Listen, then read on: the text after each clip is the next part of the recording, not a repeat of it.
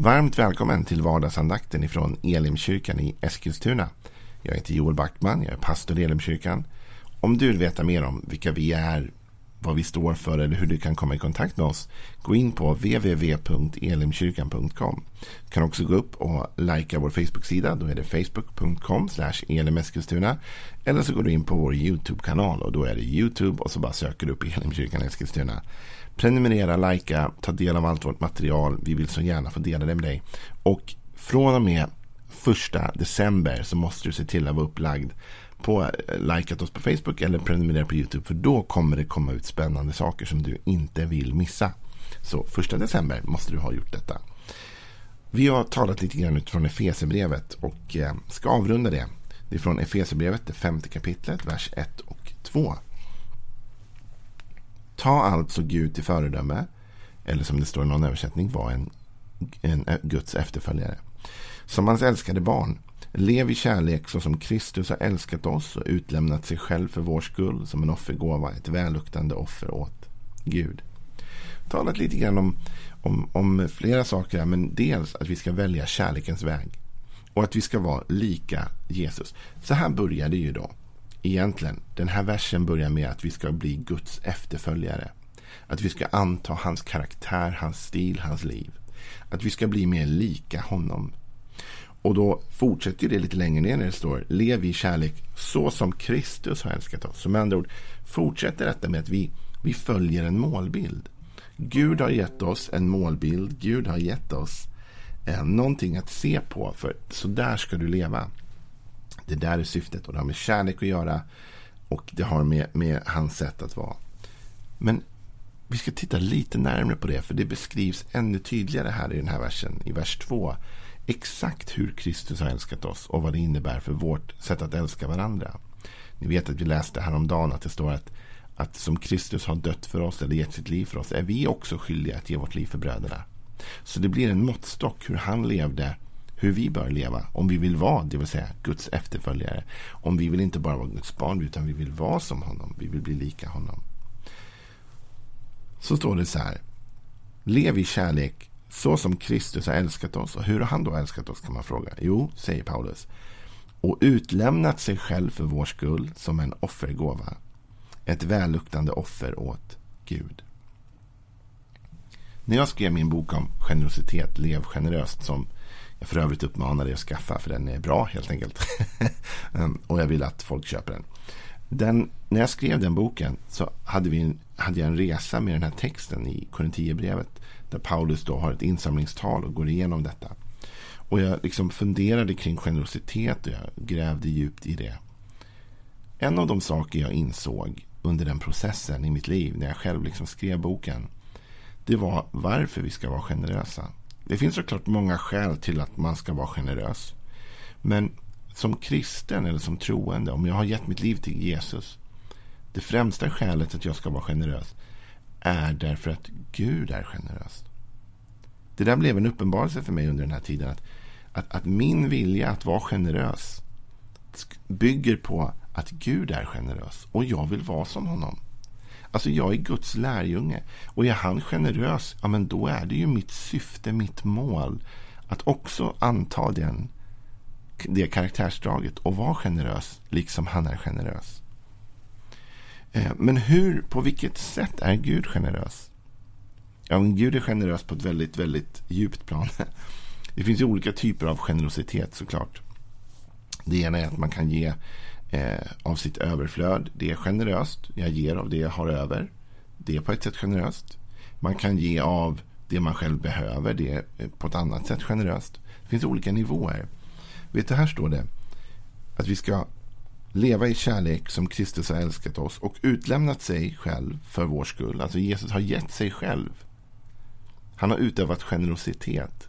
Ty så älskade Gud världen att han gav. Jesus har utövat generositet. Vid ett tillfälle säger Jesus, ingen tar mitt liv, utan jag ger det själv. Så, ingen, så Jesus säger, det här är min gåva. va? Han, men hur? Som en offergåva. Han har offrat av sig själv. Jag tror att personligen att den djupaste nivån av generositet den handlar om när jag ger på bekostnad av mig själv. Jag ger ett offer. Det blir någonting jag kunde haft själv, ville haft själv. Det var inte bara något jag hade över. Jag har fem korvar och vill bara äta tre. Så du kan få de två andra, för de, annars slänger jag dem. Ja, det är generöst på ett sätt att jag ger dig två korvar. Men det, är inte, det kostar inte mig någonting. Jag hade inte tänkt ha dem i alla fall. Men om jag har två korvar och är jättehungrig. Men jag ger dig en korv. Och inser att då kommer jag inte bli helt mätt. Men å andra sidan så får du något att äta och du har ju inget. Då, då är det ett offer. Då offrar jag någonting. Kristus offrar sig själv för oss. Hans givande är självuppoffrande. Och det är det djupaste givandet. Och jag tror att det är det givandet som kan och kommer förändra hela världen. För jag tror att om vi som kristna började leva uppoffrande mot världen. Det vill säga vi ger till och med på bekostnad av oss själva till andra. Då kommer de se en kärlek som inte finns. liksom. Vem älskar på ett sånt sätt? Vem gör så? Jo, den som har tagit emot Guds kärlek kan själv göra det. Därför vi har tagit emot hans offrande kärlek. Han gav sig själv för oss. Det var det Paulus talade om när han också säger eh, eller Johannes är det väl aposteln Johannes som säger att om nu Kristus har älskat oss på ett sådant sätt då är också vi skyldiga att ge vårt liv. Det vill säga om vi har fått ta emot hans liv så är också vi skyldiga att ge av vårt liv till andra. Som en offergåva säger Efesierbrevet. Vet du vad? Paulus talar i eh, andra Korinthierbrevet 8 och 9 så säger han så här. Ni känner vår Herre Jesu Kristi stora gåva. Han som var rik blev fattig för er skull för att ni skulle bli rika genom hans fattigdom. Det här är ett insamlingstal för övrigt. En del tänker jag det här handlar om andlig, själslig rikedom. Men det är helt fel. Det här är ett insamlingstal. Det här handlar om ekonomi egentligen. Men bortsett från det. Ni känner vår Herre Jesu Kristi stora gåva. Han som var rik blev fattig för er skull. Han som var rik blev fattig för er skull. Ser du att Kristus har offrat sin egen rikedom för dig? Han offrade sig själv för dig. Det var ett självuppoffrande. Hans generositet, hans stora gåva var att han tog av det han hade, sin rikedom, och blottade sig själv för någon annan. Han utblottade sig själv för någon annan. Han gav det han hade. Till och med till den, till den punkt att han själv blev fattig, står det. Han som var rik blev fattig för er skull. Så han, han gav oberoende av konsekvenserna i sitt eget liv för någon annan. För att ni vad skulle bli rika genom hans fattigdom. Kan man säga, hur kan man bli rik genom någons fattigdom? Jo, men just detta. Att om inte Jesus hade offrat sin rikedom hade det inte funnits något för dig och mig att ta emot. Men på grund av att han är beredd att offra sin egen bekvämlighet, sin egen, sin, sin egen rikedom, vad nu det än är, så kunde vi ta emot av den gåvan, det vi inte hade. Det här är utmaningen till dig och mig. Att älska på ett sådant sätt att vi vågar vara självuppoffrande i vår kärlek. Att älska på ett sådant sätt att vi vågar vara generösa till den grad att vi ger ut av det som är vårt eget. Till och med på bekostnad av oss själva. Det är inte lätt. Man kommer inte dit över en natt. Det är inte så att du imorgon kommer vakna och göra allt detta. Eller att du direkt när du har lyssnat på vardagsandakten kommer gå ut och, och leva det här livet. Men det du kan göra och det jag kan göra i mitt liv idag. Det är att fatta ett beslut. Jag vill detta. Det är det här jag vill bli känd för. Det är den här inriktningen jag vill ha i mitt liv. Jag vill göra andra människor rika. Jag vill bidra positivt in i andra människors liv. Och då inser jag kanske att om jag ska kunna göra andra människor rika, då måste jag kanske offra något av mitt eget. Jag måste vara beredd att skära bort något ur mitt eget liv för att ge till någon annan. Eh, jag måste ta av det jag har och ge till dig för att berika ditt liv. Det kommer minimera mig själv, men det kommer öka dig. Du vet, Johannes döparen har ju uttalat de kända orden. När det var så att Johannes döparen han var ute och döpte folk och han döpte mängder med människor på sin tid. Han var liksom verkligen the big thing. Han var, han var den som alla kom till. Och, och han hade lärjungar. Och, och sen började Jesus komma. Och Jesus började döpa. Och det är inte bara det att Jesus dyker upp där och, och börjar döpa lärjungar.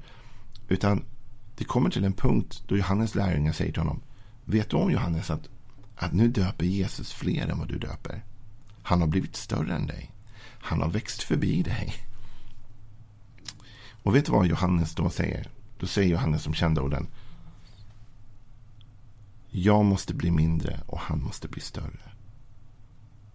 Eller han måste bli större och jag måste bli mindre. Du vet, ibland är det så här, för att någon annan ska bli stor måste ibland du bli mindre. Det kan vara så att du är i en miljö eller ett sammanhang där du är väldigt inflytelserik eller tar väldigt mycket plats. Eller du kanske är ledare i en organisation. Liksom, och, du, och som ledare tar man alltid mycket plats. Man tar, man tar ett visst eh, utrymme. Men för att någon annan i den organisationen ska kunna kliva fram måste kanske du bli mindre. Du kanske måste vara beredd att göra dig själv mindre för att någon annan ska bli rik och kunna träda fram. Jag vet inte vad det innebär för dig idag, men någonting innebär det. Och jag skulle ändå vilja uppmuntra dig den här fredagen att fatta ett beslut. Att du på något sätt är beredd att offra din egen bekvämlighet för någon annans goda. Att du är beredd att säga okej, okay, jag är beredd att bli mindre om det innebär att någon annan kan bli större. Jag är beredd att ta den smällen eller det priset för någon annan. Det är livsförvandlande. Det är livsförvandlande för dig och för någon annan. Och jag kan lova dig att om du gör detta lätt av den heliga ande och du gör detta i symbios med Guds röst så kan det vara så att du visst, som Jesus, offrar något och blir mindre. Men vet du vad? Du kommer se en sån glädje, du kommer känna en sån glädje över att den gåva du gav till någon annan gjorde att de växte. Du kommer bli en sån glädje i ditt liv över att se att det du avstod för egen räkning blev till välsignelse och glädje för någon annan. Det finns en sån glädje i givandet. Jesus säger vid ett tillfälle, det är saligare att ge än att få. Och det är sant. När vi kan berika någon annan, när vi kan få någon annan att växa, när vi är näringen till någon annans växt, då känner vi ibland en sån glädje över att vi var med och gjorde något för någon annan. Vi bidrog positivt, vi hjälpte dem att växa. Så, fredagsutmaningen denna fredag är detta. Försök att bestämma dig idag. Att gå i en riktning mot ännu mer generositet. Att leva ut Guds kärlek på ett sådant sätt att du är beredd att till och med offra din egen bekvämlighet för någon annan människa. Om vi lever den sortens kärlek i våra kyrkor och i våra liv då kommer världen bli attraherad av vår livsstil. De kommer dras till oss därför de kommer känna att varje gång jag går till den där kyrkan får jag någonting. Varje gång jag är med den där människan så blir jag större. Varje gång jag liksom samtalar med den där personen blir jag gladare, tryggare, piggare, vad det nu kan vara. Se till att vara den personen som bidrar positivt till den här världens förändring. Se till att ge av dig själv till någon annan idag.